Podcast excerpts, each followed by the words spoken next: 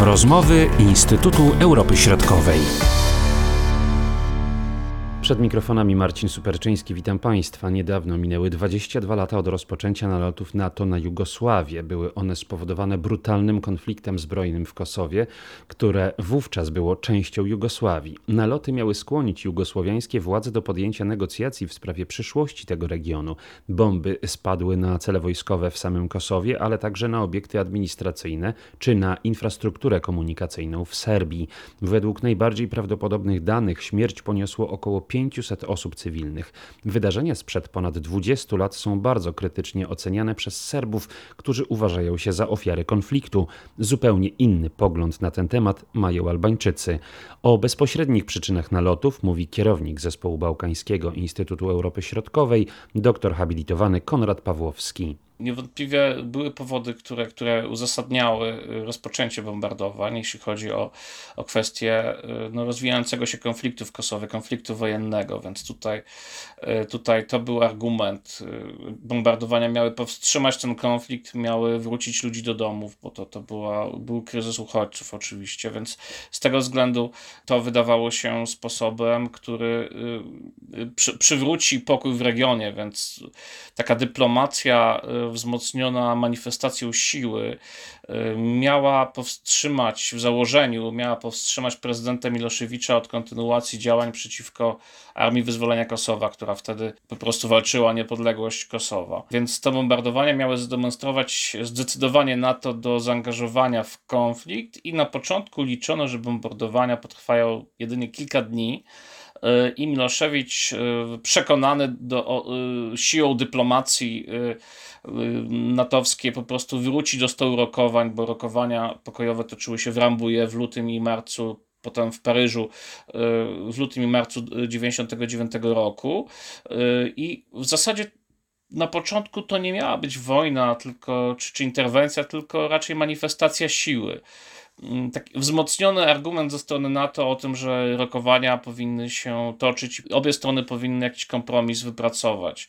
Natomiast prezydent Miloszewicz powiedział: Sprawdzam i faktycznie nie wrócił do tego stołu rokowań, co paradoksalnie zmusiło NATO do kontynuacji bombardowań i obejmowania atakami coraz większej ilości celów. Więc można byłoby powiedzieć, że to założenie, że Miloszewicz wróci do stołu rokowań, pod wpływem bombardowań po prostu się nie sprawdziło. To jeszcze był efekt y, bombardowań w Bośni i Hercegowinie. Pamiętajmy, że we wrześniu 1995 roku te bombardowania faktycznie przyspieszyły negocjacje w Dayton. W 1999 roku myślano, że ten element takich selektywnych bombardowań, no po prostu tak jak i przekonał Serbów bośniackich i, prezydenta, ówczesnego prezydenta Slobodana Miloszewicza y, przekona do powrotu do, do stołu rokowań, to chciano powtórzyć ten manewr, ten zabieg y, w Kosowie. Natomiast Miloszewicz mógł odpuścić Bośnię, mówiąc kolokwialnie, bo też już w 1995 roku dążył do zatrzymania konfliktu y, zbrojnego w Bośni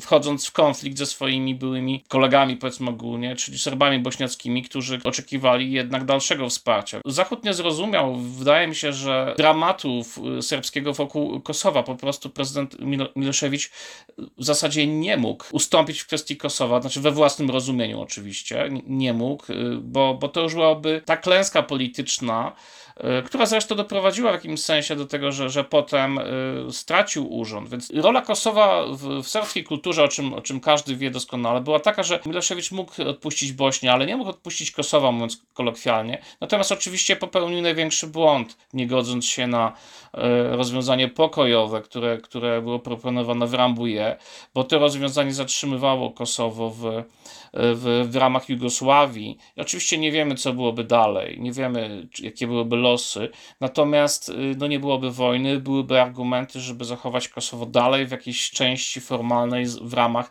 Jugosławii. Natomiast wojna, dramat wojny w jakimś sensie przekreślił możliwość integracji Kosowa y, z Serbią. Nie mówię o prawie międzynarodowym w tym momencie, bo kwestie prawne tej interwencji i kwestie prawne tego, co, co dalej się stało, są różnie oceniane, ale mówię o taki, takim praktycznym scenariuszu ewentualnego powrotu Kosowa. No, no, w sytuacji, kiedy własne państwo, jak Albańczycy wskazują, kiedy własne państwo y, wyrzuca cię z domu, lub wysyła żołnierzy, tak, którzy, czy, czy policjantów, czy oddziały paramilitarne, które stanowią realne zagrożenie. No, pamiętajmy o ofiarach tej wojny. Kiedy własne państwo tak traktuje własnych obywateli, mm, mówiąc w takiej wielkiej metaforycznym kontekście, ci obywatele mają prawo nie chcieć być częścią tego państwa.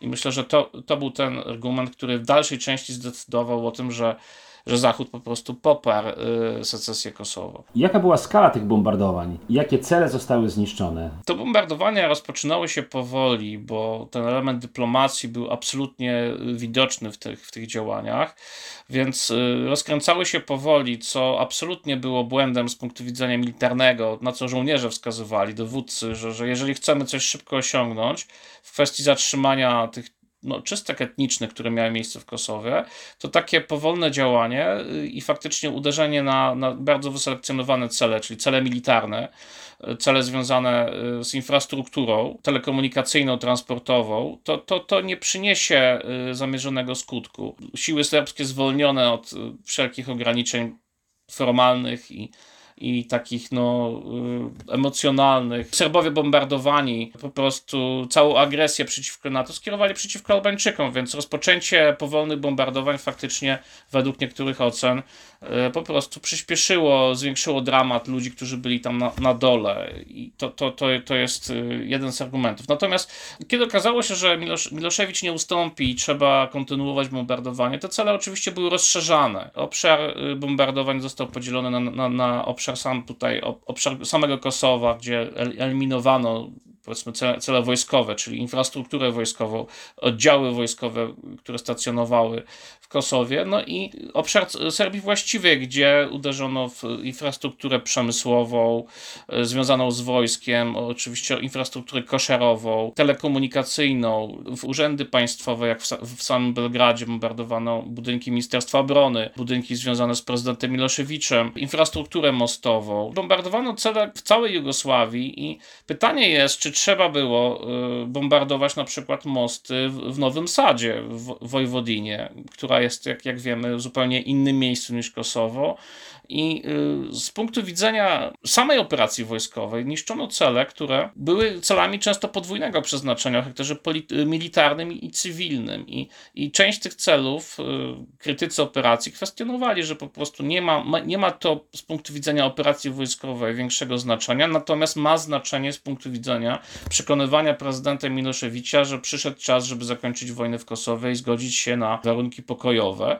Więc mówiąc tak ogólnie, no niektóre z tych celów y, były krytykowane. Raporty Federacy Federacyjnej Republiki Jugosławii y, wskazują, że w wyniku kampanii powietrznej NATO zginęło od 1200 do ponad 5000 y, osób. Mówię tutaj o zabitych cywilach. Liczby rannych szacowano na około 6000 osób. Wydają mi się tutaj precyzyjne wyniki, które są zawarte w raporcie Human Rights Watch.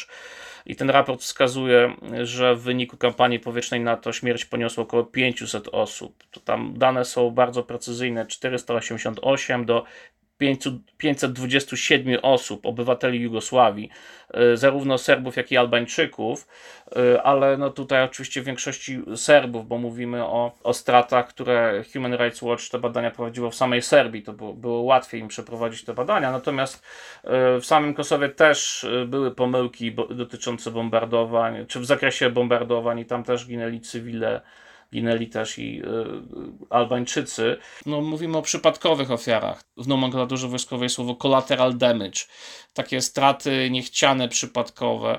No cóż, no jak bombarduje się cele w miastach, prawda, jak w Niszu czy, czy w Belgradzie, y, gdzie budynek telewizji zbombardowano, no, RTS gdzie zginęło chyba 16 dziennikarzy, jak pamiętam. Co prawda oni wiedzieli o tym, że to może być y, zbombardowane, no ale mimo wszystko pytanie, czy, czy warto bombardować budynek telewizji w centrum miasta? To jest dobre pytanie, czy jego wartość militarna była tak duża, jeśli nawet były tam jakieś nadajniki, które mogły być wykorzystywane do, do transmisji danych, powiedzmy, do Kosowa. No nawet jeśli były, to, to, to były na pewno jakieś inne nadajniki, które Serbowie mieli, mogli zastąpić. Więc pytanie, czy, y, czy ta zasada mm, konieczności wojennej, czy też proporcjonalności efektów militarnych y, w stosunku do y, do możliwych strat wśród osób cywilnych, czy była zastosowana, no to tutaj też można mieć y, pewne, pewne wątpliwości. Ale te bombardowania w końcu przyniosły skutek, prawda? Ta część bombardowań, o której ja mówię i którą, którą krytykuję, dotyczy, dotyczy faktu, że niektóre z tych celów faktycznie były zbombardowane one obniżyły poziom rozwoju państwa. To, to jeśli się bombarduje rafinerie, prawda, które no, produkują benzynę, ale nie tylko na potrzeby wojska. Jeśli się bombarduje zakłady przemysłowe, które, które produkują y, na potrzeby wojska, ale nie tylko, no to, to, to y, jest pytanie, jeśli się, jeśli się uderza w y, stacje przekaźnikowe, do, które no, za, zabezpieczają dostęp prądu do, do celów cywilnych, takich jak szpital na przykład, i szpital jest wyłączony i nie ma dostępu do prądu, tak? No i w tym, w tym szpitalu są ludzie, którzy potrzebują obsługi medycznej związanej z dostępem do, do elektryczności. No to to są takie pytania, które trochę były zamiatane pod dywan w, te, w tej całej y, analizie tego, czym jest ta interwencja. Oczywiście z drugiej strony musimy pamiętać, bo ja tu tak wyraźnie podkreślę, o dramacie, który się rozgrywał wtedy w Kosowie. To był absolutnie dramat. W tej wojnie zginęło w wydarzeniach, bo to oczywiście najpierw była wojna powiedzmy domowa w Kosowie, potem bombardowania, a potem jeszcze ten okres taki chaosu, ustanawiania tej administracji międzynarodowej, gdzie też dochodziło do zbrodni w Kosowie, no to mówimy o liczbach wielkości około 10 tysięcy Albańczyków kosowskich i ponad 3 tysiące Serbów, Czarnogórców i y, przedstawicieli innych mniejszości. To są ofiary w samym Kosowie. Uwzględniając y, bombardowania w Serbii i y, te powiedzmy dyskusyjne cele ataków natowskich, to jednak pamiętajmy, że w Kosowie wtedy dochodziło do, na masową skalę do, do zbrodni wojennych faktycznie. Jeśli chodzi o postrzeganie tych bombardowań z dzisiejszej perspektywy, na ile ten fakt utrudnia integrację Serbii ze strukturami zachodnimi, na ile utrudnia dialog z Kosowem? Niewątpliwie utrudnia. Nawet y, dla osób, które mają poglądy proeuropejskie, prozachodnie, czy skłonne są y, poprzeć taki kierunek, kierunek polityki zagranicznej. Pamiętamy, że Serbia była częścią Jugosławii. W czasie zimnej wojny Jugosławia była państwem niezaangażowanym, ale y, była państwem, które miało dobre relacje z państwami Zachodu, także ekonomiczne relacje. Wielu obywateli Jugosławii wyjeżdżało na Zachód, więc y, ten stosunek do Zachodu był generalnie pozytywny. Natomiast to, co się stało w Serbii po, po wojnach, gdzie Serbowie byli Y, nazywani no, głównymi sprawcami tych, y, tych wojen w Chorwacji, w Bośni. Ta medialna nagonka na, na, na Serbów, która, która miała miejsce, ona oczywiście nie była bezpodstawna. Tutaj musimy być, musimy być uczciwi i rzeczywiście polityka prezydenta Milo, Miloszewicza w dużym stopniu przyczyniła się do, do tego, że rozpad Jugosławii, który na pewno mógł być inny, potoczył się tak, jak się potoczył, czyli że doszło do tych wojen sukcesyjnych. Polityka y, Serbii pod rządami, czy Jugosławii pod rządami Miloszewicza, no niewątpliwie była tym czynnikiem. Natomiast y, i reakcja Zachodu w stosunku do Serbii spowodowała, że też te postawy antyzachodnie, one się pojawiły, one się dość mocno ugruntowały w serbskim społeczeństwie. Serbowie zawsze mieli to poczucie, że są ofiarami, że są niezrozumiani, że, że zabiera się im ich terytoria i że Zachód dokładnie to, to robi. Ten negatywny stosunek do Zachodu, wzmacniany przez propagandę prezydenta Miloszewicza, to zostało wzmocnione po interwencji w Kosowie, bo dla Serbów, nawet jeśli większość Serbów nie była w Kosowie nigdy, y, to, to Kosowo mają w książkach, mają w głowach, mają w sercach, tak bym powiedział metaforycznie, i to jest to, to terytorium, które zawsze będzie im się kojarzyło z ich własnym państwem, do czego zresztą mają prawo, bo historia Kosowa to też jest historia narodu serbskiego, tak jak i historia narodu albańskiego. No to jest dramat y, obu narodów, że to Kosowo ma miejsce w historii obu, obu narodów i to rzeczywiście jest no, nierozwiązywalny konflikt w istocie. Natomiast bombardowania NATO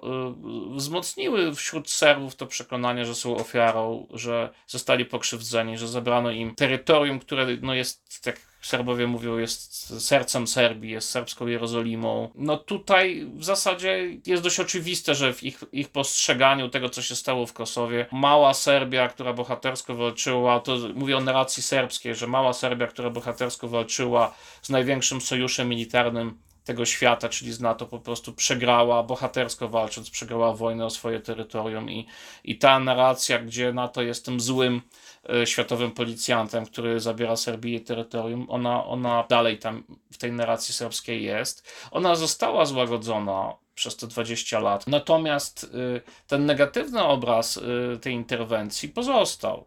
No pamiętajmy, że konflikt kosowy jest niezakończony dalej. Dalej ta sytuacja w Kosowie jest znormalizowana, ustabilizowana, ale jest jeszcze daleka od, od pełnej normalizacji. Konflikt jest dalej obecny w, w, tej mentalności ludzi, którzy, którzy w Kosowie jeszcze mieszkają. Mówię o Serbach oczywiście. Zresztą Albańczycy też, też to tak widzą, więc to nie jest, y, nie jest zakończona sprawa. Natomiast dla Serbów y, takie myślenie, że mogliby się stać częścią NATO, sojuszu, który ich bombardował niedawno, zresztą bombardował ich i w Bośni, bombardował ich i w Kosowie, bo to jest, i bombardował ich i w, Ser Serbii. Ja przepraszam, ja tutaj odtwarzam narrację serbską. No dla Serbów taka świadomość, że mogliby się stać częścią NATO jest ciężka do, do poparcia. Ja mówię oczywiście o, o narodzie, o perspektywie narodu, bo są oczywiście osoby, które które potrafią dostrzec szerszy kontekst y, tych y, powiedzmy te, tego dyskursu, czy Serbia powinna być częścią NATO, czy nie. Wydaje mi się też, że jest ze strony natowskich polityków, polityków państw y, członkowskich NATO jest dzisiaj większe zrozumienie dla, dla argumentów Serbii niż, niż kiedyś. Znaczy ja mówię o, o takim dostrzeżeniu tego, że także Serbowie byli ofiarami tych wydarzeń w Kosowie w 1999 roku, że interwencja była tragedią dla, dla wielu stron y, tego konfliktu. Myślę, że to jest ten, y, ten element pewnej takiej empatii w stronę Serbów, żeby pokazać im, że, że Zachód też dostrzega pewne no, argumenty serbskie. Natomiast no, nie ma możliwości, żeby na przykład poważnie toczyć dyskusję w Serbii na temat członkostwa w NATO. Dlatego prezydent Aleksander Vucic mówi wprost, Serbia nigdy nie będzie członkiem NATO. I z jednej strony oczywiście mówi to dlatego, że, że Serbia jest w, w dziwnym miejscu na mapie geopolitycznej i faktycznie z jednej strony idzie na zachód, ale nie może iść iść zbyt szybko, bo tutaj jest Rosja.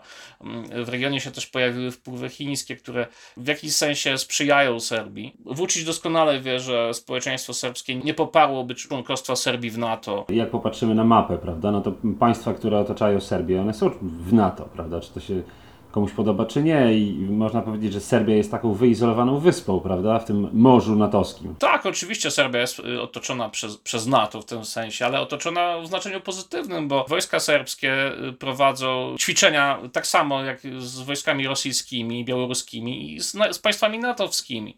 Na, nawet, y, ja nie pamiętam dokładnie wyliczeń, ale gdzieś widziałem wyliczenia, że nawet więcej ćwiczeń przeprowadzono wspólnych właśnie w ramach współpracy z państwami NATO, co dla przeciwników prezydenta Vucicia jest argumentem, że, że prezydent tak, tak naprawdę jest prozachodni i nie jest prorosyjski, no bo ci przeciwnicy to często właśnie są środowiska prorosyjskie, które oczywiście członkostwo w Unii Europejskiej to jest ten najważniejszy cel polityki zagranicznej Serbii, który popiera większość obywateli Serbii, natomiast no, NATO to jest inny temat i wiele narodów, wiele państw traciło terytoria, które były częścią ich tożsamości narodowej, no i w przypadku Serbii to jest świeża sprawa po prostu i pamiętajmy, że, że Serbia dalej nie uznaje niepodległości Kosowa, chociaż też prowadzi politykę, która ma tą sytuację w jakiś sposób znormalizować. Mówił doktor habilitowany Konrad Pawłowski, a ja się nazywam Marcin Superczyński. Do usłyszenia.